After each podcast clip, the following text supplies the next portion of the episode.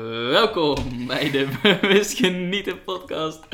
Nummertje weet ik niet meer. Ik ga niet meer zeggen welk nummertje, want ik weet het niet meer.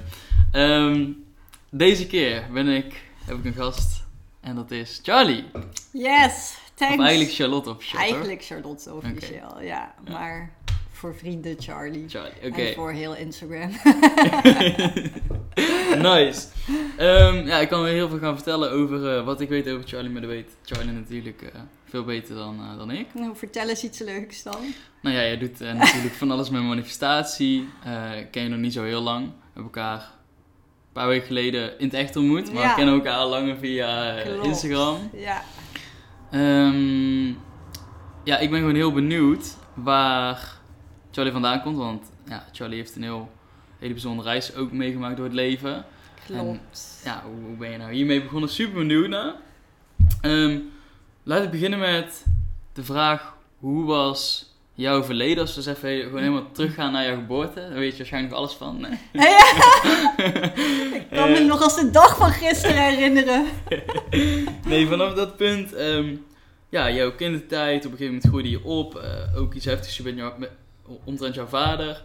En ehm, ja, Ja. neem ons even mee.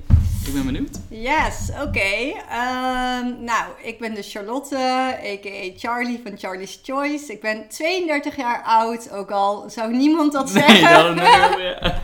kreeg Axel net nog de schrik van zijn leven daarvan. Ehm, oorspronkelijk kom ik uit Limburg, eh, dus heel eh, klein ja, opgegroeid. Wat? Ja. Heb jij geen Limburgs accent dan? Ik had hem wel heel erg, maar ik woon nu wel eh, ja, sinds mijn achttiende in ehm, Amsterdam. ja, Utrecht en Amsterdam. En Grappig hoe dat verandert dan, hè?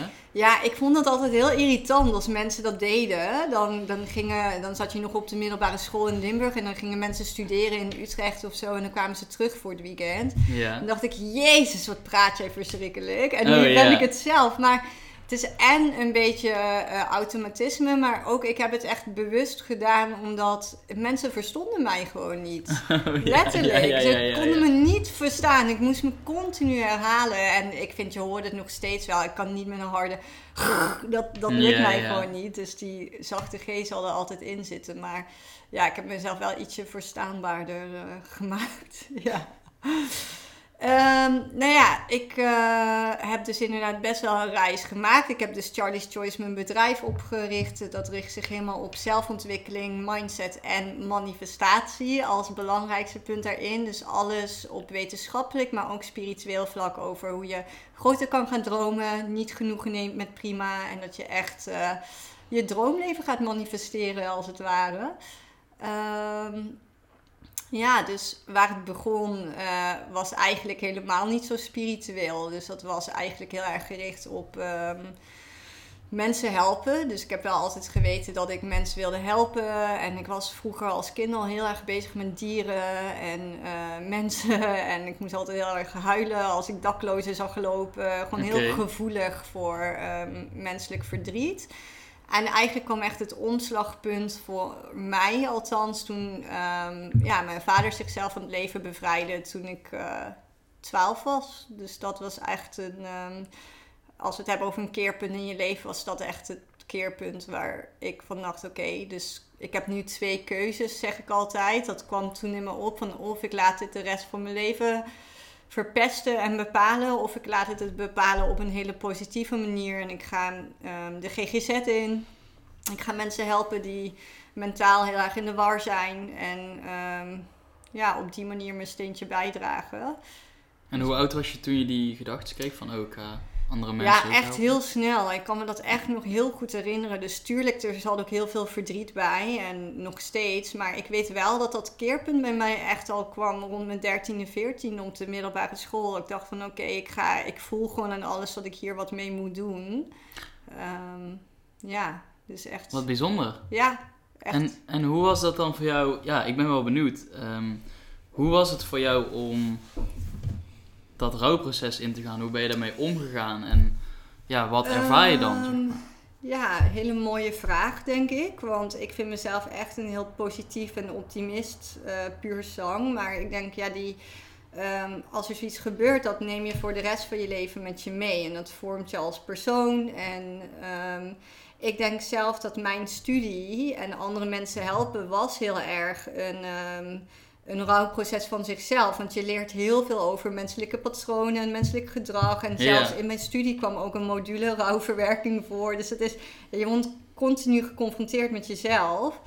Dus ik ben er eigenlijk um, nou ja, op de middelbare school denk ik niet zo goed mee omgegaan. Want dan heb je al de puberteit en alle veranderingen. En ik heb toen denk ik mezelf meer een beetje naar de achtergrond geduwd. Dus oké, er is iets heel heftigs gebeurd, maar... Ja, dus eigenlijk gewoon een beetje de vrolijkheid uit willen hangen, maar me eigenlijk niet zo heel goed voelen. En eh, vanaf mijn studententijd ben ik echt wat meer mezelf geworden voor mijn gevoel. En um, nou ja, ik zit nu pas eigenlijk in therapie ervoor. Dat is het oh, gekke. Ja, dus ik heb nu pas echt um, dat ik weer terug ga naar bepaalde herinneringen. En um, uh, ja, het is heel gek, want ik ben natuurlijk zelf ook in de GGZ werkzaam geweest. En ik freelance nog steeds als POH GGZ af en toe. Dus ik ben continu bezig met andere mensen alert maken op hoe belangrijk je mentale gezondheid is. Maar voor mezelf had ik het gevoel dat op rationeel vlak wist ik alles wel. Dus dan denk je dat je het verwerkt hebt, maar dat is natuurlijk heel gevaarlijk, want dat is niet zo. Dus ik merk eigenlijk sinds ik vrijgezel ben, want ik heb heel lang een relatie gehad van tien jaar. En dan word je dus ook niet zo heel erg geconfronteerd als je een redelijk stabiele, gezonde relatie hebt, mhm. althans. Ehm, ja, dan word je daar niet zo heel erg mee geconfronteerd. Dus met die emoties? Of? Met inderdaad wat het doet als je zo plotsklaps um, je vader verliest. Wat dat doet met je vertrouwen in jezelf, met je vertrouwen in andere mensen. Heb je nog vertrouwen in dat je een stabiele relatie aan kan gaan of niet? Ehm, ja, dat komt nu pas heel erg omhoog. Dus daar ben ik nu mee aan, het, aan de slag aan het gaan. Ja. Wauw, bijzonder. Ja. En heb je het voor jouw gevoel, uh, heb je dan nog niet volledig verwerkt? Of heb je het wel al helemaal een plek kunnen geven? En... Ja, kijk, ik ben iemand, ik geloof sowieso niet in 100% verwerking. Oké, ja. Ehm, dus ik geloof niet in 100% geheeld zijn. Ik weet dat je dat veel hoort en ziet, maar ik ben gewoon een persoon die zegt, we zijn allemaal mensen. We gaan allemaal ieder vlak van ons leven weer tegen nieuwe dingen aanlopen. En dat heb ik nu ook gemerkt. Ik ben nu 32 en over 10 jaar zal er waarschijnlijk weer iets nieuws omhoog komen, waardoor ik weer opnieuw getriggerd word. En zo blijft dat gaan, want je blijft leren. Je gaat nooit 100% geheeld zijn. Mhm. Maar ik denk wel dat ik een heleboel heel gezond verwerkt heb. Want ik ben iemand die veel denkt en veel voelt van zichzelf. Alleen ik geloof natuurlijk heel erg in de kracht van het onderbewustzijn. En ehm, ja, het zit echt letterlijk vol in de wier ook hier. Het is wel mooi, alsof je een soort van engel bent. Hallo. ja. Maar um, ja, ik, ik uh, geloof heel erg in wat je manifesteert vanuit je onderbewustzijn. Hè? Dus vanuit wie jij denkt te zijn. Dus mhm. niet, je kan blijven affirmeren wat je wil, maar als alles in je onderbewustzijn schreeuwt van ik geloof hier niet in, dan moet je eerst je onderbewustzijn aanpakken en daarna um, kan je weer verder kijken naar wat zijn actieve stappen die je kan nemen. Mhm. Dus ja, ik geloof dat er zeker bij mij nog bepaalde herinneringen echt um, verwerkt mogen worden. En dat kan je eigenlijk alleen maar doen door bijvoorbeeld EMDR of hypnosessies of EFT tapping, wat ik zelf ook in mijn praktijk gebruik. En uh, daar heb ik gewoon een professional voor nodig om met mij daarna te kijken. Ja. Want je kan zelf wel visualisaties doen, maar het is toch echt anders wanneer iemand anders je er doorheen leidt. Ja. Ja, dat geloof ik. En kun je daar wat meer over vertellen hoe dat dan in zijn werk gaat? Mm Ja, dus EFT tapping wat ik gebruik in mijn praktijk, dat is heel erg gericht hierop. Dus mhm. echt neutraliseren van emoties en patronen die in je onderbewustzijn afspelen. Dus mhm.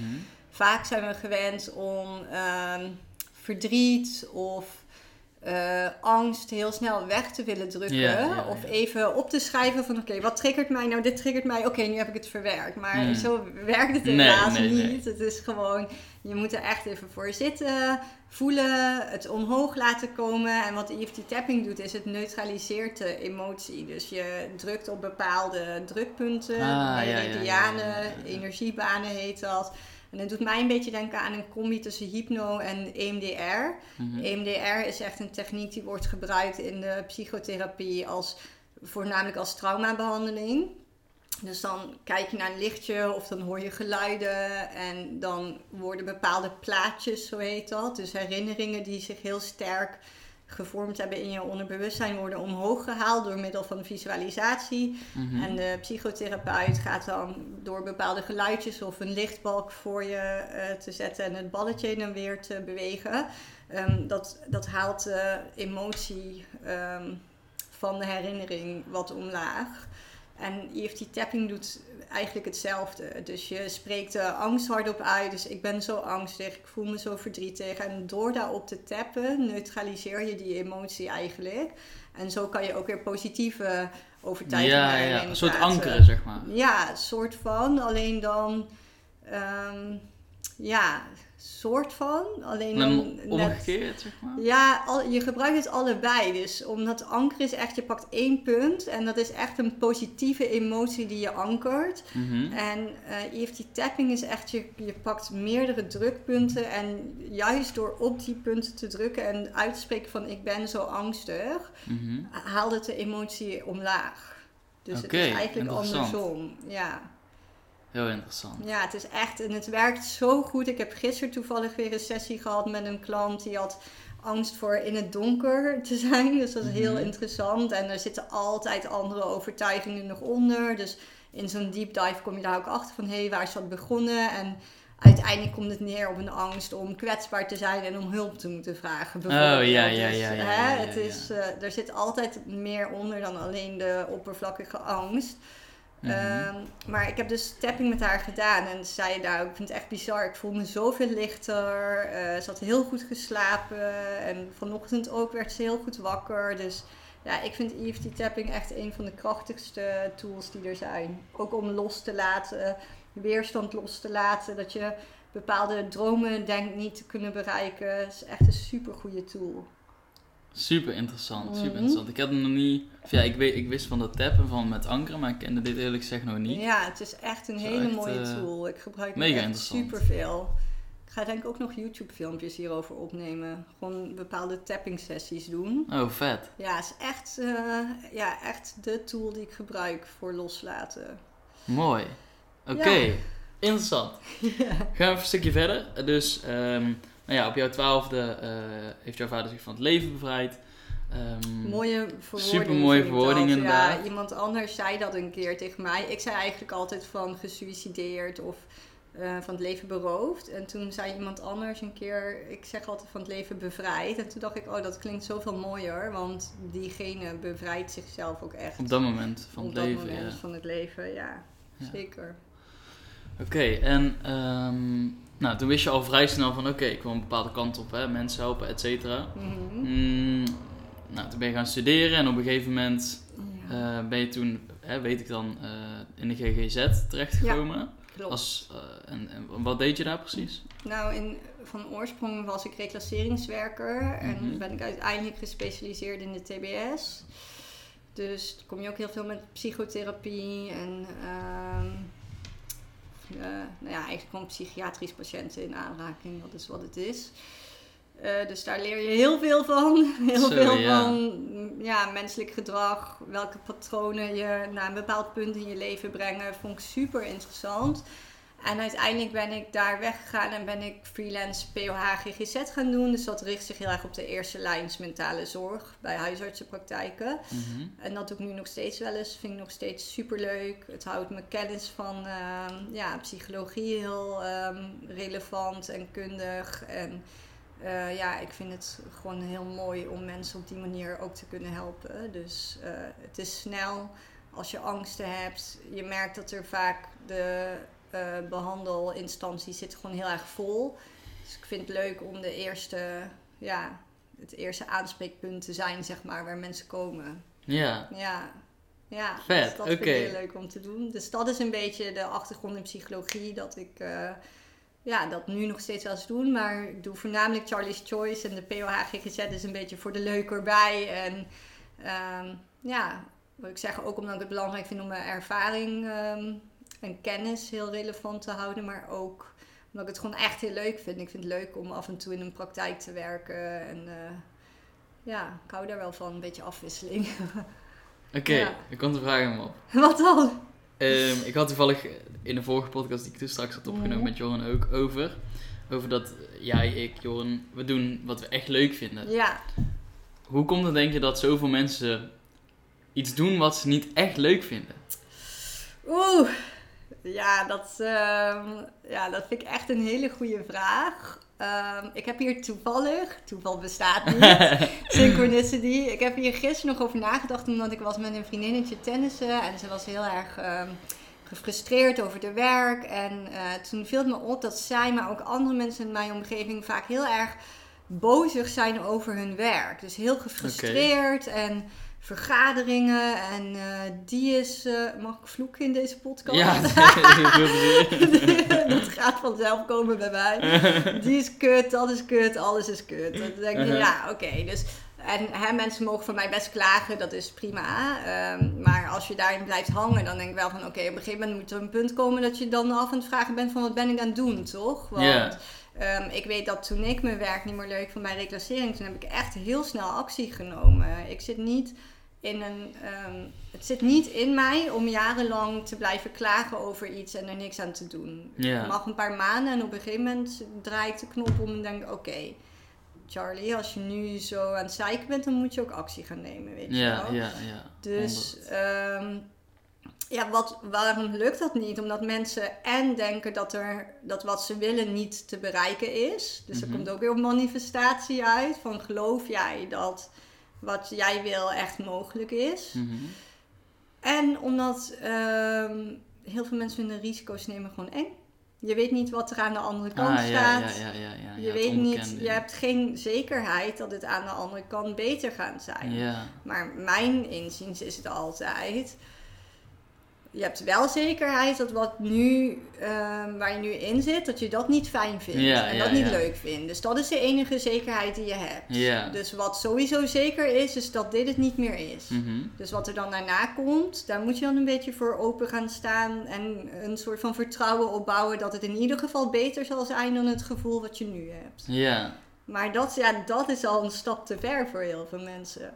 Ja. En dat is ook heel eng. Ik bedoel, laten we eerlijk wezen. Ik heb ook eh, dagen gehad dat ik hier echt eh, hysterisch huilend door het appartement heb gelopen. En ik denk, oh, wat heb ik gedaan? En ik heb mijn Ja. baan opgezegd. En hoe moet het nu verder? En ik heb echt dikke stress gehad om financiën. Nou ja, ik woon in mijn eentje in Amsterdam. Je moet de huur betalen. Het is ook stressvol. Dat is, dat is een feit. Maar dat is wel alle ondernemers en alle mensen die iets meer voor zichzelf willen, die moeten daar doorheen. ja. Je moet naar die andere kant en dat gaat soms zo met omwegen en het gaat soms met een hobbel op de weg. Maar ja, het is wel aan deze kant wel echt een heel prettig leven, vind ik. Ja, Ja, kijk, je bent nu op vrijdag. Iedereen zit te ploeteren achter de computer. En ik moet mezelf soms echt knijpen dat mijn werk nu is dat wij hier een podcast doen. ja, ja, ja, ja, ja, dat is fantastisch. Dat is toch insane? Ja, Ja. en ik- ik vind het echt het leukste wat er is. Dus Mhm. ja, daarvoor moet je door die angst heen. En dat, dat vinden mensen eng, dus dat begrijp ik wel. Ja, Ja, helder. Helemaal helder. Oké, Ja. mooi. Ja, ik ben het er wel mee eens. Ehm, en, en ja, nou, ik heb eigenlijk niks op toe te voegen. Het is gewoon precies wat denk jij dat het is? Hmm, ja, het, ik denk dat dat het is. En dat komt gewoon door eh, heel vaak ook hè, de waarheden aannemen van wat jou wordt verteld. Vanuit jouw Mhm. ouders, vanuit je opvoeding, hoe je bent geprogrammeerd. Klopt. En vervolgens ook door Ja, school en de maatschappij natuurlijk. Het systeem waar we leven houdt ons in het systeem. Want dat, daar is het systeem op gebouwd. Het Ja. systeem is gebouwd op die zekerheid en die veiligheid. Maar, eh, en om ons zo comfortabel eh, mogelijk te houden. ja. Maar ik, ik, zat laatst met Roy in de podcast, Roy Martina. En die heeft mij zo'n mooi woord gegeven. En die ga wat ik leuk, iedere keer had je hem in jouw podcast? Ja. Oh, wat tof. En hij vertelde, ja, dan komen mensen terecht in eigenlijk niet de comfortzone, maar in een Mhm. oncomfortabele comfortzone. Want zo comfortabel Ja, is die comfortzone helemaal niet. Ja, Want het is zeg maar, weet je wel, je weet, Ja. dit, dit, dit, dit ken je, Hmm. wat dan niet leuk is, maar dat ken je. Hetzelfde met ehm, eh, als mensen bijvoorbeeld heel eh, negatief denken, Hmm. dan worden ze op een bepaalde manier zou je kunnen zeggen, verslaafd aan het negatief denken. Dat kun je ook allemaal helemaal neurologisch en wetenschappelijk zo onderbouwen. Dat, kan ik dan niet, maar ik weet wel dat dat kan. Klopt. Ehm, en dat is interessant, want ja, dan wil je niet daaruit, omdat jouw, eh, laten we het ego-stukje noemen, die wil gewoon blijven doen wat hij kent. Ja, klopt. En ehm, ja, dan zul je gewoon vaker moeten kiezen voor, ehm, voor je echte zelf, voor je Mhm. ware zelf. ja. En dat is denk ik ook wel een stukje wat echt wel bij mij eh, een hele grote invloed heeft. Niet alleen op, op waar we het nu over hebben, maar op Mhm. alles. Is, is gewoon het vertrouwen en eigenlijk jezelf laten leiden door, ik noem het altijd hoe je het wil noemen. ja. God, universum, leven, maakt ja, precies. Ja, dat zeg ik Ehm. ook altijd. Ja. Alleen, ja, weet je wat het is? Ik denk wel dat het wel ook soms voor mensen zoals jij en ik heel makkelijk is om dat te zeggen. Want als ik kijk naar degene die ik was een paar jaar terug, Mhm. dan zat ik ook nog heel erg vast. in Ja, ja, ja. dat bubbeltje en denken dat de 9 tot 5 alles is wat je kan doen. Dat je moet Mhm. studeren en dat bepaalde plafonds bereikt worden met inkomen en that's that, weet je wel. Ja, Want ja, dat ja. is alles inderdaad wat je aangeleerd krijgt. Dus ik heb zelf ook geen oordeel liggen op mensen die dat nog Oh doen. nee, zeker niet. Want ik heb toevallig Roy Martina ook wel eens in een eh, Giel Belen podcast gehoord. En dan noemt hij iedereen schapen en weet ik veel wat. En ik vind Mhm. Roy Martina echt een topper qua hoe hij manifesteert. En ik geloof helemaal erin. Mhm. Maar ik vind het geen schapen, omdat ik denk van je- kan, als je niet wakker bent, dan kan je daar niks aan doen. Dan ben je gewoon niet wakker. En Mhm. Ik was ook niet wakker totdat ik op een dag wakker mocht worden. En waarom weet ik nog steeds niet, maar dat was gewoon bam, één op andere dag. dat is wel waar, ja. En dat is, ik zeg altijd, daar heb ik niet voor gekozen, maar daar heb je natuurlijk op zielsniveau ooit een keer voor gekozen. ja, ja, ja. Omdat het zo snel bij mij ging van 0 naar 10 en ik richtte Charlie's ook in één keer op en dat liep ineens goed. En ehm, ja, dat voelde gewoon echt als meant to be. Eh, dat ik had geen keuze. Ik werd gewoon er naartoe gepusht. Ik kreeg dromen. eh, Mhm. alles, alles gebeurde gewoon zo snel. Dat ik denk, ja, de, al- als ik dan kijk naar vriendinnen die er niet in geloven en niet wakker zijn, bijvoorbeeld op spiritueel vlak, dan denk ik, ja, dan hebben zij of dit leven hier nog niet voor gekozen en komt het misschien een volgend leven, of, ehm, of ze worden wel nog wakker een keer dit leven, maar het is niet per se hun schuld dat dat nu niet gebeurt. ja. Ja. En zou je dan denken, want zo'n gevoel heb ik altijd een beetje gehad of zo, dat, ehm, ehm, dat zeg maar de, de ziel, die dan, Mhm. het stukje ziel, eh, een stukje zielen, Ja. die dan hier op leven komt, dat, dat je steeds eerder wakker wordt naarmate je meer hebt geleefd? Of denk je dat Ja. dat, dat niet uitmaakt? Ja, denk ik wel. Ja, als we het echt over heel spirituele dingen hebben. Mhm. En je hebt het over dat je een ziel bent die in een menselijk lichaam Mhm. leeft. Wat ik absoluut geloof. Dan denk ik inderdaad dat je meerdere levens hebt. En dat hoe meer je leert in vorige leven, hoe sneller je hier wakker wordt. En wie weet wat het dus de volgende keer weer zal zijn. Maar ehm, ja, ik, ik, denk, ik denk van wel. Maar ja, ik zeg altijd, ja, we weten het natuurlijk niet. Hè? Ik vind het altijd heel mooi als mensen zeggen, ja, zo en zo is het. Dan denk ik, oh ja, ben jij dood geweest en weer teruggekomen. Mhm. En, want als dat zo is, dan wil ik het geloven. Je hebt mensen Ja. die bijna doodervaringen hebben gehad. En die vertellen wat ze daar hebben gezien. En Mhm. denk oké, nou jou geloof ik. Maar ik, Oh, zo, kan, ja, ja, ik kan ja, ja. niet met 100% zeker zeggen. Ah, zo, ja, ja, ja. Want ja, ja. dat manifestatie echt is. Ik geloof voor 100% in. Het is mijn Mhm. waarheid. Maar je zal mij nooit horen zeggen dat dat de waarheid is. Want ik ben nooit dood gegaan. eh, nu met mijn bewustzijn nu. En weer teruggekomen. Dus ik zeg Ja. altijd echt 100% zeker doen Ja, we pas als we hier niet meer zijn. Hè? Dus ja, dat sowieso. daar moeten we wel ook een beetje bescheiden in blijven, vind ik. Want ik hoor soms hele harde uitspraken. En dan denk ik, oeh, je mag ook al nog een beetje hè, bescheiden blijven in de zin van... Je weet het nooit 100% zeker, Mhm, maar mhm. niemand. Mhm, Niemand weet het. Je kan de beste ayahuasca-trip ooit gehad hebben. En nog steeds weet je het niet 100% nee, zeker. nee. Tot de dag dat we hier niet meer zijn. Dat dan, klopt. Krijg, dan krijg je je antwoorden. Ja, en dat is ook, ik vind daar ook een hele grote vrijheid in zitten. Toen ik helemaal op het begin, toen ik 16 was, toen ik wakker werd, wilde ik dus de waarheid Ja. vinden. En in alles in mijn leven ga ik altijd vol. Ja.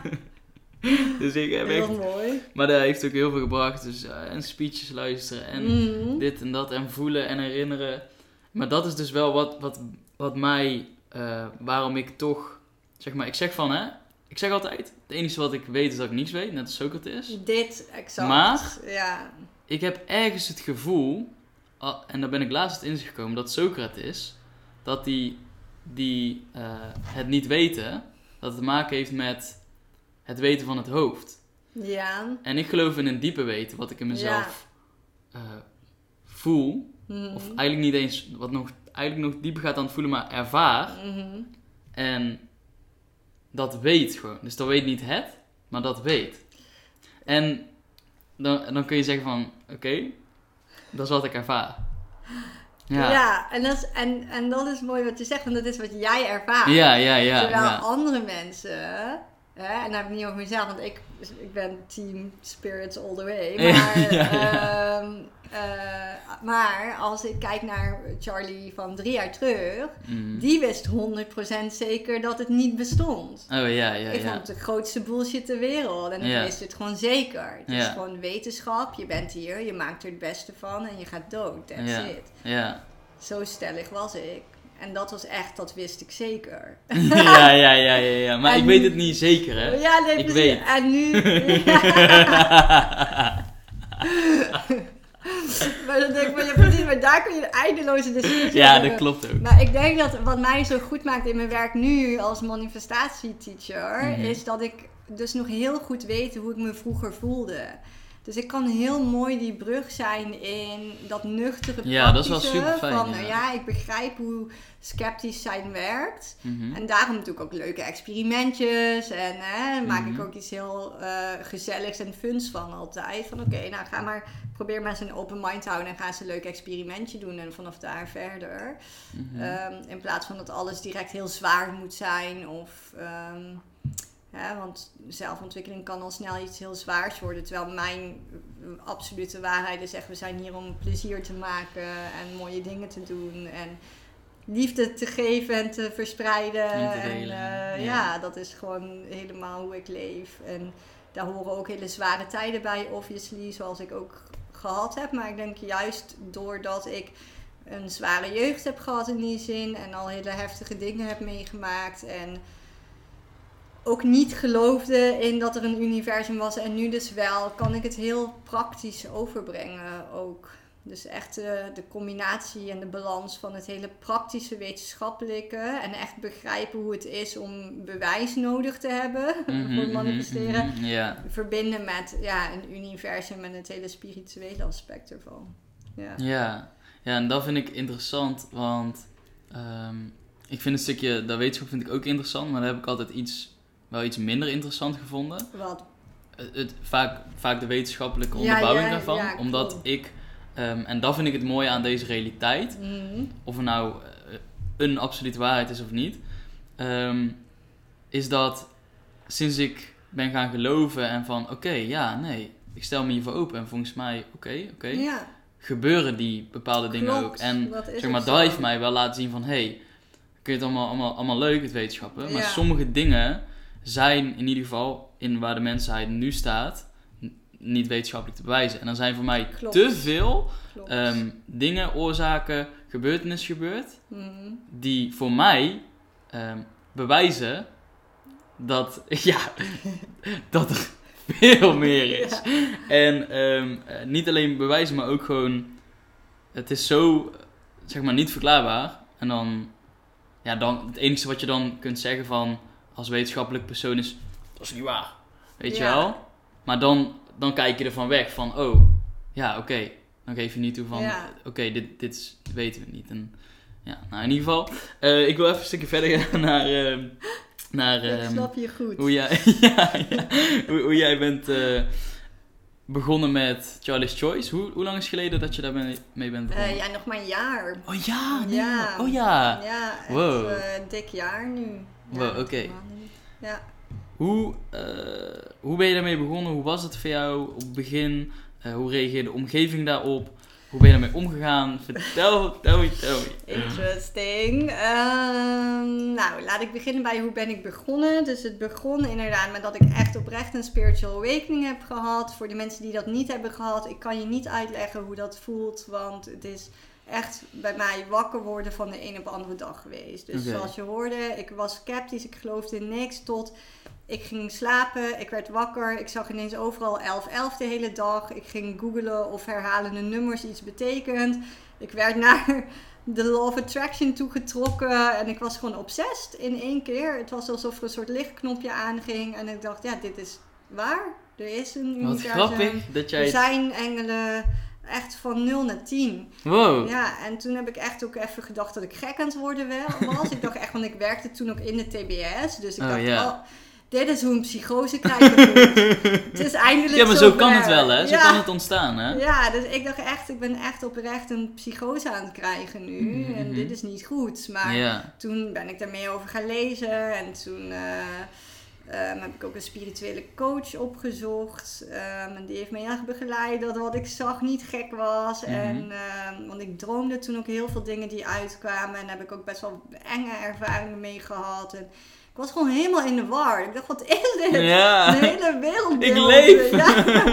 Dus dan, ja, dat was echt gewoon alsof je ja, echt gewoon je hele realiteit van de wereld verandert. Dus dat is ook ergens iets heel engs natuurlijk. Ja, ja. Want ineens ontdek je dat magie ontstaat of zo. Dus Ja. eerst vond ik het heel eng en daarna vond ik het heel vet. Toen kwam ik echt in Harry Potter fase terecht. ik dacht, oké, holy shit. Maar als dit klopt, dan ga ik hier ook lol mee maken ook. Dus heb ik allemaal experimentjes gegoogeld. Ja, en toen bleek ik gewoon super goed in manifesteren te zijn. Maar ik was natuurlijk wel al heel positief dus, en bezig met menselijk gedrag. Dus ik was sowieso goed in positieve dingen voor mezelf manifesteren. Nog voordat ik hierin geloofde. Maar toen ik het bewust ging inzetten en echt ging focussen op bepaalde dingen, toen dacht ik: wow, ik ben zo goed hierin. Echt niet normaal. En toen was echt de hele dag door gewoon Harry Potter wereld. Echt letterlijk. Kijk, mooi. Ben jij ook manifester van Human Design? Nee, niet? dat is dus heel gek. Wow, want dat zou oké, je zeggen, ja. Want ik Wat ben ben, echt heel goed. Ik ben projector. Projector. Ja, maar het klopt ook al. Dat is echt de teacher, de coach. En Ja. je hand uit, uitnodigingen uitreiken en dan komt het naar je terug. En dat klopt ook wel heel erg. Maar ik heb wel de energie van een manifester, ja, 100%. Ja, Ja. mooi. Oké, heel interessant. En eh, daar ben ik wel benieuwd naar, want ehm, ik weet vanuit ook iemand die ik zelf heb gesproken die psychose heeft gehad. Mhm. Eigenlijk, ja, niet helemaal een psychose, maar meer dus een, een, een awakening, spiritual Mhm. awakening. Ehm, wat dan, omdat hè, heel de wereld even een, andere realiteit zit of een, norm- een normaal Ja. leven leidt. Die gaan dan ook zeggen of, of, of hè, dan gebeuren dingen Dat dan. je gek je- het worden Ja, ja, ja. Precies, precies. Ehm, heb je dat ook teruggezien in het werk wat jij doet? Dat mensen dus ehm, denken dat ze gek worden of, of gek zijn geworden. ehm, terwijl ze eigenlijk. Ja, kijk, ik vind dat wel een lastig onderwerp, want er zijn ook wel echt. Ik geloof dat er heel veel op te lossen is met ehm, hè, een spiritueel bewustzijn en meditatie. Eh, maar er zijn ook gewoon mensen met echt, echt psychiatrische stoornissen. Mhm. Hè, en die zie je dus in de TBS veel. En daar heb je het dan niet zozeer over mensen. Ja, die krijgen dan wel, die krijgen dan wanen. Echt dat ze een stem horen die hun vertelt wat ze moeten doen, bijvoorbeeld. Of eh, Mhm. dan ook in een andere realiteit leven. En denk jij dat dat eh zogeheten, je kunt verschillende namen weten, maar een soort van negatief slechte energieën zijn, eh, die dan daarin zijn geslopen in hun bewustzijn? Of wat is dat? Ja, ik heb hier veel over nagedacht. En ik denk dat. ehm, ja, ik denk dat dat kan. Alleen ik denk wel ook dat er echt gewoon op neurologisch niveau Hmm. ergens eh, een switch gemaakt wordt op een gegeven moment. Door bijvoorbeeld overmatig drugsgebruik. En Oh ja, ja, dat ja. tast gewoon bepaalde neurologische processen aan Ja, in je ja, dat brein. geloof ik, ja. Ehm, dus wat ik zeg, ik geloof wederom heel erg in de wetenschap ervan. Ik geloof wel ook echt oprecht dat heel veel mensen die een psychose hebben, contact aan het maken zijn met iets. Mhm. Alleen, ehm, waar ik niet in geloof, is dat eh, een soort demon je lichaam overneemt en dat je vanuit daar eh, nare dingen doet. Mhm. Ik geloof dan meer in dat er gewoon op neu- neurologisch ehm, aspect iets is misgegaan. En, ehm, en ook door de manier waar we zijn opgevoed, door trauma's. Hè? Ook in de TBS zie je dat heel veel patiënten ook echt heel heftig traumatisch verleden hebben. Waardoor je eigenlijk in je onderbewustzijn al eh, geprogrammeerd krijgt dat eh, veiligheid niet bestaat en dat je altijd moet vechten voor je leven. En Mm. dat doet gewoon wat met je als persoon. En als dat je programmering is vanaf jonge leeftijd, dan vind ik het niet heel gek dat sommige mensen eindigen zoals ze geëindigd zijn. Zeg maar. Ja. Dus dat, ja, ik, ik vind dat lastig. En nogmaals, ik heb daar de waarheid gewoon niet in. Mhm. Dus er zijn heel veel mensen die zeggen inderdaad dat ze overgenomen worden door demonen.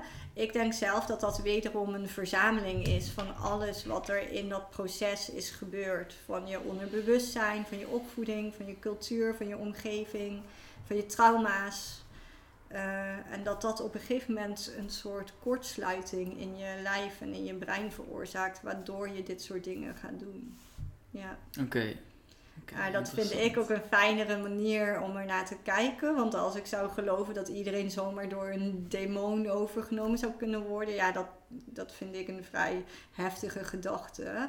En ik geloof in dat alles zich manifesteert wat je intentie daarachter is. Mhm. Dus ik heb gewoon zelf besloten dat ik alleen maar in goede energieën geloof. En eh, op de een of andere manier gebeurt dat ook zo. Oké. Ja. Ja. Ja, dat vind ik interessant, hè. Want ergens sta ik ook zo in. Maar Mm. aan de andere kant heb ik ook wel op een gegeven moment geleerd van... Ja... Maar misschien zit deze hele wereld ook wel vol met shit... En moet ik die shit wel gaan aankijken, zeg maar. Die echte donkere, donkere, donkere kant.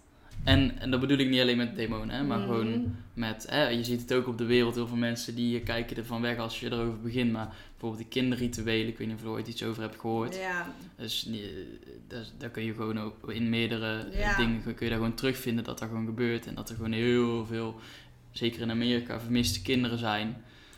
Eh, klopt. Ja, maar ik eh, zeg ook niet dat ik wegkijk van de donkere dingen. Nee, nee, nee, nee, maar dat is ook niet naar jou, hè, maar, meer in het algemeen. Precies, want ik vind het heel belangrijk dat we juist dus ook realistisch blijven kijken daarnaar. Hè? Dus dat is ook van, ik vind niet dat alles met de deken van spiritualiteit ehm, overdekt moet worden. Mhm. Dus er zijn ook gewoon hele praktische dingen hier in de wereld waar wat aan gedaan moet worden. Dus ik, wat ik zeg, ik hou echt van de combi daarvan. Ja, Je kan niet je ogen sluiten en alleen maar visualiseren dat alles goed komt. ja, Soms moet je ook gewoon iets anders doen. ja, Ja, en, en inderdaad, ja, als je dan het hebt over een spiritual awakening, ja, dan ga je mensen hebben die je echt helemaal knettergek gevonden eh, zijn. Vinden. gaan vinden. Gaan vinden. Goeie zin. Vloeiend. Maar ehm, ja, want dat was ook je vraag van hoe reageerde je omgeving erop. Dus ja, ik werd laten we toen- daarop verder gaan. Ik werd toen wakker en toen, eh, nou, toen heb ik heel veel lol daarmee gehad. Dus iedereen zat in corona weg te kwijnen en ik had de time of my life. Ik zat echt te visualiseren, alles kwam uit. Oké, oké, dus ehm, was experimentjes aan het doen, dat mensen iets tegen mij moesten zeggen. Dat ik dacht van, oké, nou, als deze shit echt is, dan wil ik dat deze persoon dit tegen me zegt vandaag als ik hem zie. Oh ja, je En, zo? dat ja, en dan grappig. ging ik dat visualiseren hoe die persoon dat zei. En dan hoorde ik dat en dan voelde ik dat. En dan kwam die persoon die avond bij me en dan zei die exacte zin. Nou, dat is zo mooi. I know! En toen dacht ik echt? Oh my god! En zo dan, die mensen hebben dat helemaal niet doorgehad, hè. Maar toen Nee. dacht ik van, holy crap, oké, dus telepathie is echt. En zo werd ik op een hele leuke manier wakker. En toen Mhm. dacht ik, ja, ik ben hier zo goed in door de combinatie van... ehm, hè, heel erg patronen kunnen doorbreken door mijn oude werk al in de GGZ. Maar ook nu dat magische stukje van het universum erbij. En energie kunnen manipuleren. Dat ik dacht, ja, dit is gewoon helemaal mijn ding. Dus Mhm. zo ben ik Charlie's Choice begonnen. Echt heel snel ook nadat ik wakker werd. Het was gewoon echt letterlijk, het voelt gewoon als ja, waarvoor ik op aarde ben. Ja, gewoon, ik werd gewoon wakker en het moest. Het had geen andere keuze. Ik droomde erover, ik zag het, ik voelde het. Het, het was meant to be. Maar ja, je omgeving gaat dat natuurlijk niet helemaal begrijpen. Want ik ging van super sarcastische, sceptische Char naar super spiritueel. Ehm, en ik wilde ook heel graag dat iedereen dat wist. Want ik dacht gewoon, waarom weet niet iedereen dit? Begin met visualiseren, begin met scripten, met opschrijven alsof je doel er al is. Want het komt gewoon uit. Want bij mij kwam het heel snel uit allemaal. Dus ik gunde iedereen dat. Maar ja, dat is. Ja, zo werkt het gewoon niet. Want dan word je een soort van een Jehovah-getuige die iedereen probeert te overtuigen van wat jij ziet. En dat is wat ik zeg van de, de slapende.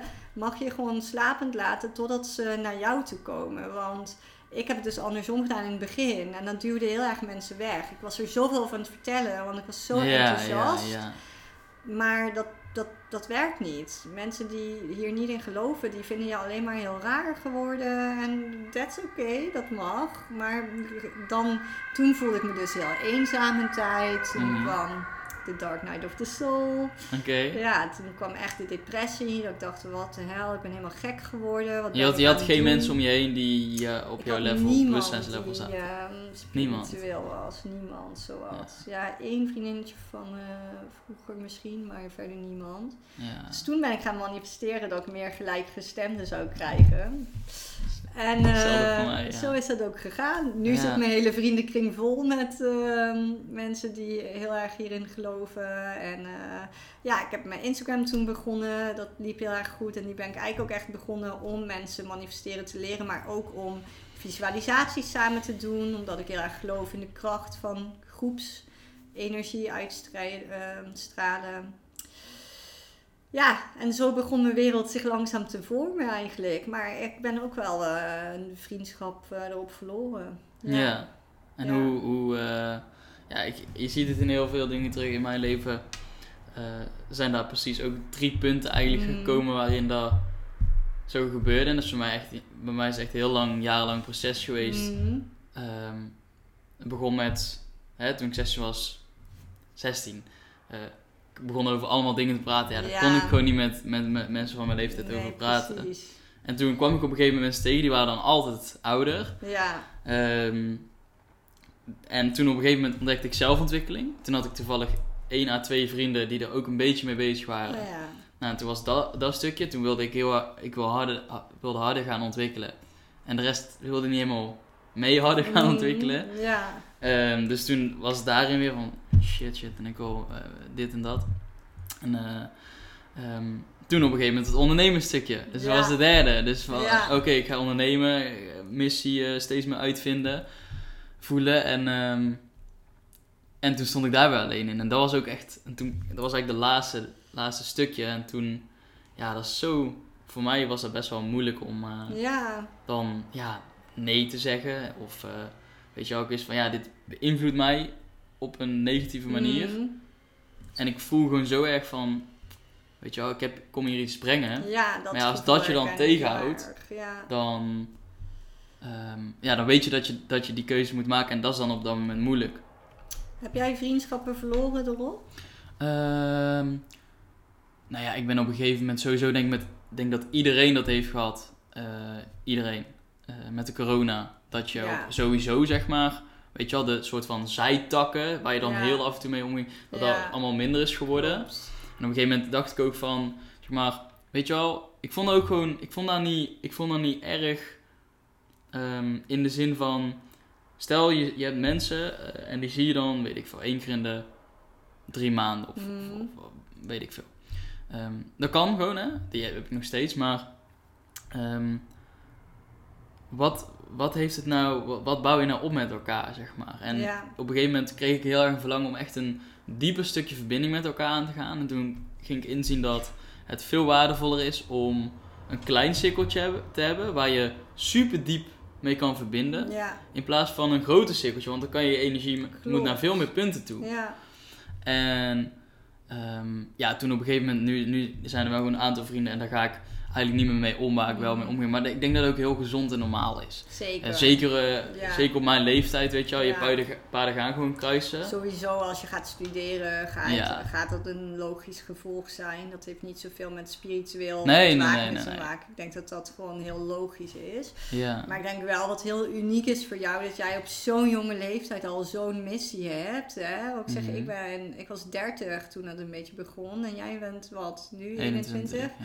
Ja, ik bedoel, dat is echt heel bijzonder dat je dan al zo'n zo'n duidelijke visie hebt, zo'n duidelijk doel. Dan voel je gewoon aan alles van dit is wat ik hoor te doen. Maar ik denk dat heel veel mensen op jouw leeftijd en ook op mijn leeftijd nog steeds, dat die duidelijke purpose, die visie Mhm. niet hebben. En precies En daarom Ja. doe ik wat ik doe, om, om, om dat te gaan onderzoeken. Ja. Want daar heb ik ontdekt, zeg maar, en de reizen gemaakt. Mhm. Dus dat is zo mooi. Ja, dat zie je eigenlijk bijna bij iedereen terug die een onderneming start, denk ik. Mm. Nou, niet, niet als je een product wil maken, maar misschien ook wel ergens. Is dat je gewoon zelf een reis hebt gemaakt. En die reis heb jij bewandeld. En die is nooit klaar in principe. Nee, Maar die is ehm, nooit klaar. Nee. ehm, dan kun je andere mensen die zeg maar daar, daar Mm. staan. Nou, die kun jij in ieder geval tot het punt leiden waar jij eh, hebt gelopen. Dus ook Klopt. voor iedereen, eh, weet je, ehm, al heb je ergens het gevoel van, yo, ik kan andere mensen echt wel wat bijbrengen. Eh, ik heb ooit gehoord van, eh, ik weet niet meer wie, eh, hè, als je één ding meer weet dan iemand anders, kun je iemand anders al iets leren. Ja, klopt. En ehm, dat is gewoon super, super mooi, je heel veel voldoening uit. Maar kan jij je voorstellen dat je bijvoorbeeld over tien jaar weer heel anders erin zou kunnen staan Ja. dan nu? Tuurlijk, Ja. tuurlijk. Wat zou er dan veranderd kunnen zijn, denk je? In de zin van, Ehm, in je leven, in je mindset, in... eh, ja, verandert constant. Het verandert elke seconde. Want ik vind het gewoon grappig als ik denk van nu vijf jaar terug nog. Ik denk dat heeft, of drie jaar zelfs maar. Het is echt de grootste shift van mijn leven geweest. Mhm, mhm. Dan ben ik gewoon heel benieuwd hoe dat bij jou gaat zijn straks. Van. Of je nog steeds eh, bewust genieten doet. Of dat dat Mhm. misschien een heel andere vorm heeft. Oh, zo, ja, ja, ja. Ik denk, ja. Maar kijk, het enige wat ik wel zeker weet, en dat heb jij, dat heb ik, dat hebben meerdere ondernemers, is dat wanneer je onderneming begint vanuit echt een passie en een duidelijke visie, dan kan misschien eh, de buitenkant, eh, hoe je het vormgeeft, een beetje veranderen. Maar de missie blijft meestal wel hetzelfde. En dat, dat vind ik heel mooi eraan.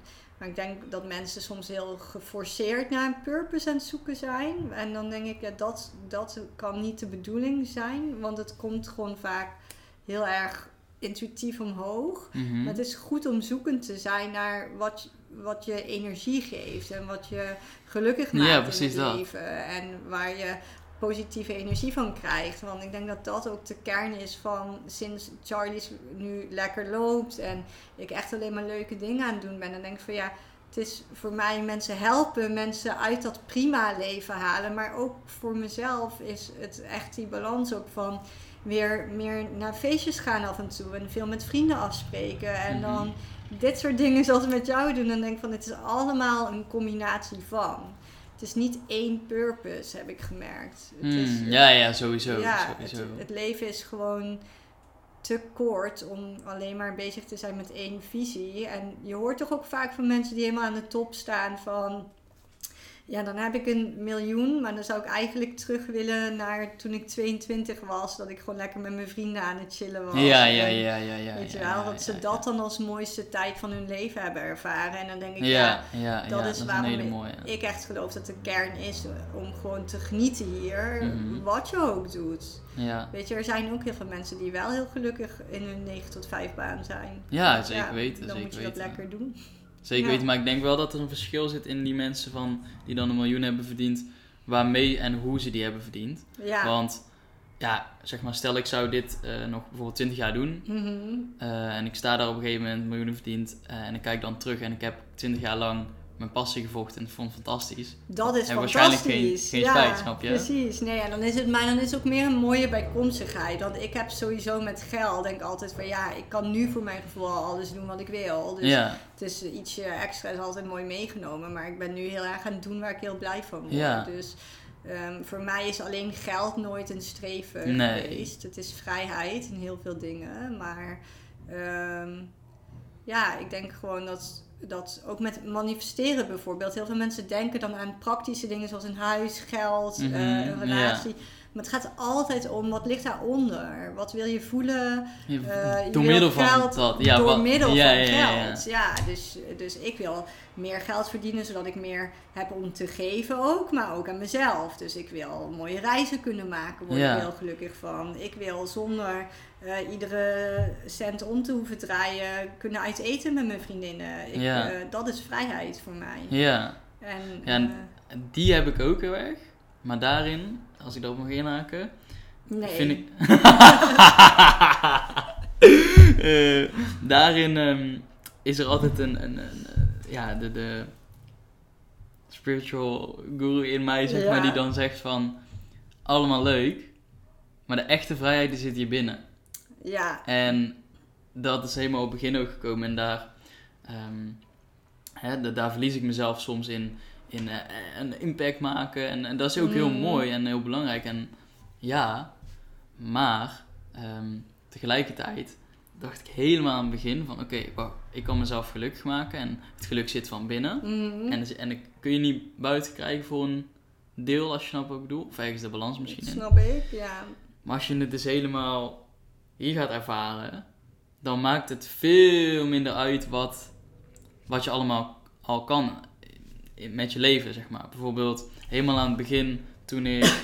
ehm eh, dat was toen, eh, als eerste zelfontwikkelingspersoon ontdekte ik Mark Pilagy. Dat heeft me ook bij het ondernemen gebracht en liet me inzien van, yo, als je wil, kun je miljoenen verdienen, weet je wel, als je mindset daarin gelooft. Ja, Dat geloof ik. Ehm, en dat kan. Ja. Maar toen dacht ik, oh nou, dan ga ik 10 miljoen verdienen voor mijn eh, eh, dertigste en dit en dat. Ja, En dat is op een gegeven moment helemaal weggevaagd, omdat Ja. ik op een gegeven moment begin inzien van, ja, wat wil ik dan allemaal met die 10 miljoen? ja, Wat wil je ermee doen? Ja, ja, ja. En wat ga gaat me je dat brengen doen? En vooral? wat brengt je dat? Ja, precies dat. hoe waardevol is het als je gewoon eh, nog gelukkiger kan zijn, bij wijze van spreken, met 2000 euro per maand. Ja, Ehm, en en je bent, heb je gewoon een chill leven in plaats van een miljonair die, weet ik veel, niet helemaal zo gelukkig is met zijn leven. Ja, en ik geloof wel een en-en daarin. hè. Ja, ja, en-en, dus ik de geloof dat het allebei kan. Dat je hele gelukkige multimiljonairs hebt, maar ook hele ongelukkige. Net als Ja. dat je hele gelukkige mensen hebt die 2000 verdienen en hele ongelukkige. Ja. Want als ik naar mezelf kijk, ik was altijd heel gelukkig en tevreden met mijn eh, bedrag. Dus ik heb geld nooit als een enorme motivatie eh, gezien of zo. Dat was nooit heel belangrijk in mijn leven. Dus dat is het nu ook nog steeds niet. Mhm. Ik vind het gewoon wel dat ik altijd genoeg moet hebben om een vrij leven te leiden. Kijk, ik vind het heel mooi wat je zegt van eh, vrijheid zit altijd in jezelf. En ik geloof daar 100% in. Als je kijkt naar mensen zoals Nelson Mandela, die ehm waren daar ook heel erg eh, predikant van, hè? van dat hij gevangen zat en dat hij toch altijd voelde dat hij vrij was in zijn ehm, mind. Dus ik geloof dat absoluut. En tegelijkertijd denk ik ook van, we zijn ook gewoon mens. En er zijn situaties waar je ehm, stress van mag en gaat hebben. Oh ja, dus zeker. Ik heb, ik heb zelf ervaren dat ik echt financieel heel krap zat toen ik net mijn baan had opgezegd. Hoewel achteraf gezien denk ik nog steeds, ik had echt genoeg geld. Maar ja, ja maar dat, ga je dan denken. Had, Ja, ik, ja, had ik nog maar heel, was het eh 5 voor 12 of 1 voor 12, hoe je het ook noemt. eh, Ja, ja. time sticking. En ik heb zelf ook in de schuldhulpverlening gewerkt bijvoorbeeld. En dan kan je echt goed zien wat bijvoorbeeld financiële stress met een mens doet. en, dan, Mhm. en dan is inderdaad, als ik dan tegen hun had gezegd... Ja, heel vervelend dat je geen eten voor je kinderen kan kopen, maar vrijheid zit in jezelf. ja, ja, ja, ja, ja, ja, ja, die snap ik wel. je? Ja, dan nee, ik 100% altijd, Ik vind dat soort uitspraken wel altijd dat ik denk, ik geloof hem, ik voel hem, ik Mhm. ben er. Maar het is wel, we zijn ook gewoon mensen hier op aarde. En soms hebben we gewoon een beetje hulp nodig om weer naar die kant te Dat kunnen klopt, bewegen. ja. En, dan, en dan voel je je op dat moment niet zo vrij. En dat is oké. Als je wel maar weer gelooft dat je daar weer uitkomt. En dat je hulp vraagt. En dat je hè, wel blijft geloven dat er een oplossing voor gaat komen. En dat er betere tijden aan zullen komen. Dat is ook wat vrijheid voor mij is, denk ik. Dat je ook in de paniek voelt van er gaat weer een betere tijd komen. Ja, ja, ja, ja, ja. Ja. Heel mooi, dankjewel. Ja. Ja, heel mooi. Ehm, Oké, dus, dus... Nou ben ik benieuwd. Ehm jij, ben- jij bent nou eh, een tijdje begonnen met Charlie's Choice. Ja. Ehm, vertel ons... Hoe manifesteer je die shit? Even. Vertel, oké, ik ben benieuwd naar in ieder geval twee dingen. Dus wat zijn je manifestatietools die jij gebruikt? Ja. En geef ons even een paar voorbeelden van die crazy Oh ja, daar heb manifestatiemomenten. ik er zoveel leuke van. oké, Echt niet vertel. Normaal. Ook had eigenlijk even moeten pakken. Nou, ik vertel het ik even. ga ondertussen, vertel, ik ga ondertussen even checken of mijn telefoon Ja, nog steeds dat aan is staat. Oké, dus mijn ehm manifestatie-succesformule is echt ehm, ten eerste een kraakheldere visie voor jezelf creëren, zeg ik altijd. Dus echt, ik gebruik heel erg Neville Goddard als teacher. Ken je hem? Mhm. Nee. Hij is echt zo'n hele oude manifestatie-teacher. Echt, eh, ja, ik heb geen idee wanneer. Hij leeft ook niet meer. Maar ehm, hij zegt altijd living the end result. Dus ignore de 3D, ignore de omstandigheden. Vinden mensen heel lastig wanneer ik dit zeg. Maar Mhm. stap alleen in dat eindplaatje. Dus ik ben altijd heel erg van scripten. Opschrijven alsof iets er al is. Mhm. En visualiseren. Dus horen, proeven, ruiken, voelen. Mhm, mhm. Van hoe, hoe ziet het eruit? Hoe sta je op? Toen ik een appartement in Amsterdam ging manifesteren, toen had ik het zo snel. En dan ging ik visualiseren hoe ik mijn kop koffie zette, hoe ik uit het raam keek, hoe ik opgelucht ik me voelde dat ik daar woonde. Dus echt een kraakheldere visie voor jezelf creëren. Mhm. En dan is mijn andere succesformule is loslaten. Ja, dus ja, echt ja. ehm, loslaten met EFT tapping. En dan kom je echt op dat stukje patronen doorbreken, angsten aankijken, ehm, triggers ontdekken en echt op onderbewustzijnsniveau gaan herprogrammeren. Dat is voor mij wat EFT tapping en loslaten is. Mhm. En dan de derde is echt dikke vette actie nemen. Ja, ja, ja, Dus ja, ja, ja. blinddoek op, springen en Ja. gaan. Want er wordt te veel in dat voorstukje gezeten, vind ik. Mhm. Te veel gezwommen in deel 1 en 2 Ja, van ja, ja, helemaal mee eens. visualiseren, ehm, mediteren. Allemaal hele goede tools. Maar Mhm. op een gegeven moment moet je actie nemen voordat je daar klaar voor bent. En heb je geen bewijs. En ik ben echt eerst geloven dan zien. Dat is Mhm. mijn absolute mantra hierin. Dus Mhm. geloof maar dat wat jij visualiseert uit gaat komen. En ga iedere stap nemen die daartoe leidt. Ook wanneer je dus nog niet in de 3D kan zien dat het er is. Ja. Ik zeg altijd, degene die dappere stappen neemt, wordt beloond door het universum. En dat is bij mij iedere keer weer zo geweest. Ik ben iedere keer opgevangen. De meest rare, echt wanneer, wat ik zei met die financiële situatie, ineens kwam er dan weer een klus op mijn pad. Ik dacht, wow, echt. Ik zat er zo diep doorheen. En dan net wanneer je denkt, ik moet weer een loondienstbaan gaan nemen, dan komt er ineens weer wat. Ja, ja, ja. ja. Dus ja, ik heb echt iedere keer weer het bewijs gekregen dat ehm, risicovolle stappen nemen beloond worden. En dan heb je het over de magische manifestaties. Ja, dus ik, ik doe via mijn Instagram heel vaak ehm, experimentjes en dat ga ik ook op TikTok doen. Van signalen vragen. Dus hè, ehm, visualiseer een kikker en vraag als signaal dat bewijs. Dat je, dat je als je een kikker kan manifesteren, dan kan de rest ook. Zeg Ah, maar ja, ja, ja, Dus het ja, een is niet groter dan het ander. Mhm. En dan stroomde mijn hele DM vol met eh, allemaal kikkerplaatjes. Ja? mensen de Oké, hele. Week kikkers zagen. Of een kompas. Of ik heb laatst een telepathie oefeningetje gedaan. En dat is dus echt mijn absolute favoriet. Want wat ik zei, ik liet dus in het begin mensen vaak dingen zeggen tegen mij. Dat klinkt alsof je echt een soort van puppet master bent. Maar dat is niet. Je kan gewoon een gedachte naar iemand zenden. Ehm, want je hebt toch ook wel eens dat je aan iemand denkt en dat diegene jou belt. Ja. Ja, nou dat is telepathie. En ik Ja. geloof dus dat je dit bewust kan inzetten. Dus dan ga je visualiseren hoe iemand contact met jou opneemt. En dat is een van de allervetste dingen die ik heb gedaan. eh, dat je eh, visualiseert hoe je telefoon gaat, hoe je die naam ziet verschijnen, hoe je het appje binnen ziet komen. En dan duik je helemaal in dat excitement gevoel van, oh my god, het is gelukt. Ja. En ook daarvan kreeg ik weer de hele week appjes van mensen dat ze, oh mijn god, diegene had ik al drie jaar niet gesproken. Wat? The fuck is dit voor magie? En dat ik Ja, dacht, ja. dat is echt, dat vind ik echt het allerleukste om te doen.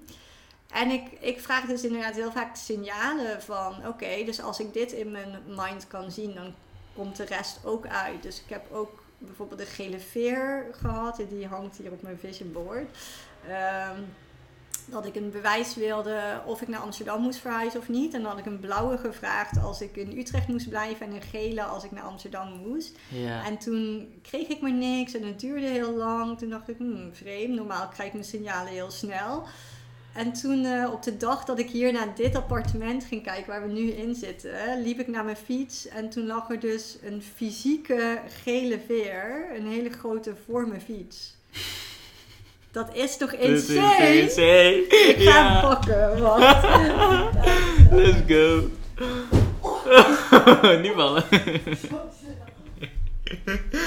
ja, ja, dat is echt niet normaal. Ik heb ook ongelooflijk veel van dat soort momenten eh, mogen beleven. En dat is zo mooi. Wow, echt gewoon zo heen. Die lag shit. voor mijn fiets. ja, en ik weet nog, toen was het echt... Echt mind is blown gewoon. Zo. Ik dacht echt, holy... Ja, ik weet nog, ik moest gewoon een beetje huilen toen ik hem pakte. Ik dacht, Ja. hij lag ook gewoon voor mijn fiets. Ik ging hier naar dit appartement kijken en ik heb dit appartement ook gekregen. Dus dat was het signaal dat ik naar Amsterdam moest verhuizen. Wat insane. Ja, echt insane. Dus ja, dit soort experimentjes zijn voor mij gewoon echt het ultieme bewijs dat waar je aan denkt echt in je fysieke realiteit eh, verschijnt. Ja. Ja, Ja, ik vind het heel eh, simpel te onderbouwen. Ehm, als je bekijkt, dit is en wetenschappelijk en, en spiritueel, hoe dan Ja, ook gezien, alles is energie ja. in beweging. Ik heb het vaker uitgelegd ook in de podcast of video's. Heel veel mensen geloven wel niet dat wetenschappelijk energie te bewijzen is. hè. Oh, zo. Terwijl dat wel zo is, maar... Ja, eh, oké. dat Ja, zijn mensen nog niet bekend mee? om ons heen zit, dat kun je tegenwoordig inderdaad wetenschappelijk bewijzen. Ja, Maar zelfs daar haken mensen al af. oké, nou ja, dat zal best. Veel plezier met het niet geloven, dat brengt je vast veel. nee, maar ehm, eh, alles is energie. Ja. En jij stuurt ergens energie op af, net zoals ik net zei. Je kunt je energie naar een paar mensen toe sturen, dan gaat er veel meer energie naar die mensen Ja, toe. In plaats van dat jij je energie naar meerdere mensen toe eh, stuurt. Of in ieder geval, ergens is het ook weer die kracht, denk ik, oneindig. Maar in ieder Ja, geval, denk ik ook. ja, ik denk dat sommige mensen echt wel dingen herkennen, of je er nou in gelooft of niet. Mhm. Ehm, ja, en wanneer je dat gaat zien en die patronen gaat zien, dan wordt het Ja, dat is leven zo interessant. magisch. En Ja. dat is ook altijd wat ik zeg, want het gaat me niet om de veer of het gaat me niet om het appartement. Het gaat gewoon om dat jij dat mag- met je gedachten ja. hebt gecreëerd en met de actie die je hebt genomen. En dat is zo'n echt, daar krijg je zo'n high van het leven van. En Ja. ineens gaan de deurtjes open waarvan je nooit had gedacht dat die voor jou open zouden kunnen gaan. En ineens je niet eens dat die deurtjes er waren. Nee, precies. En dan denk ik, ja, en de, dus het gaat niet om het materieel. Ja, weet je, hoewel ik ook altijd wel denk van ja, ik gun mensen ook gewoon een mooi huis als ze daarin willen wonen. Dan denk ik, Ja. als dat iets is wat je graag wil, ja, no shame wat mij betreft Mhm. hoor. Als je wel maar gewoon onthoudt dat daar niet het ultieme geluk zit. Nee, precies. Maar ik denk altijd, ja, als jij een mooie auto wil manifesteren, ja, pff, wie Succes. ik om te zeggen Ja, wat let's je go. moet doen? Ja, doe maar. En ik vind ook altijd soms, je mag ook van mening veranderen, hè. ja, Dus als jij, als jij een auto wil manifesteren of een huis en je denkt dat dat je ultiem gelukkig gaat maken, dan zeg ik altijd, ja, doe maar. Want soms moet je het ook ervaren om te merken dat het je niet gelukkig Precies. maakt. Dus je kan niet alles van tevoren invullen voor iemand. Ja, Je kan het zeggen, maar mensen zijn toch eigenwijs en moeten toch zelf voelen. Ja. Dus ik zeg altijd, manifesteer maar lekker wat je wil. En dan ga je vanzelf merken of het je gelukkig maakt of Ja. niet. Ja. Mooi. Mooi. Oké, ik voel dat we naar het einde toe gaan. Ik sluit hem altijd sowieso af met, ehm, met de laatste vraag. Ik fantastische podcast. Ehm, Helemaal gestruikeld van enthousiasme over die weer. Ehm, mijn laatste vraag wil ik je vragen. Daar kwam ik net tot het idee terwijl. de- Terwijl ik uit aan het glijden was. ja, is van ehm, om even naar de camera te kijken. ja. Want ik heb een jongere doelgroep vooral, ook ouder, maar in ieder geval eh, de meeste mensen tussen 18 en 25. Mhm. Wat zou jij op dit moment de jongeren willen meegeven vanuit jouw hart? Ehm, maak je niet te druk. Neem geen genoegen met prima. En als het voor iemand anders mogelijk is, dan is het ook mogelijk voor jou. Dus groter dromen, risicovolle acties nemen en dan ga je er echt komen. Mooi, oké. Pat. Dat was hem. Super eh, bedankt voor dit gesprek. En Ja. ja. Ja, ik weet zeker dat de luisteraars er super veel aan hebben en misschien wow, wow, gaan denken. Dus ehm, mega bedankt. Graag gedaan. Als je met Charlie wil connecten, eh, dan kan dat via Instagram. Ik zal jouw Ja. Instagram ook in de beschrijving zetten. Ja, ik heb eh, It's Charlie's Choice. En nu ook op TikTok ja. eindelijk. Manifesteer met Charlie. Dus eh, daar kan je me vinden. Ja, en de manifestatiepodcast. Podcast. Ja, Nice. zo, best wel veel inmiddels. Hè? Het begint lekker te gaan. Ja, Lekker bezig. Oké. Bedankt voor het luisteren. Of het kijken en het luisteren. en eh, geniet bewust van het moment. En tot de volgende keer. yes. Oké. Tot.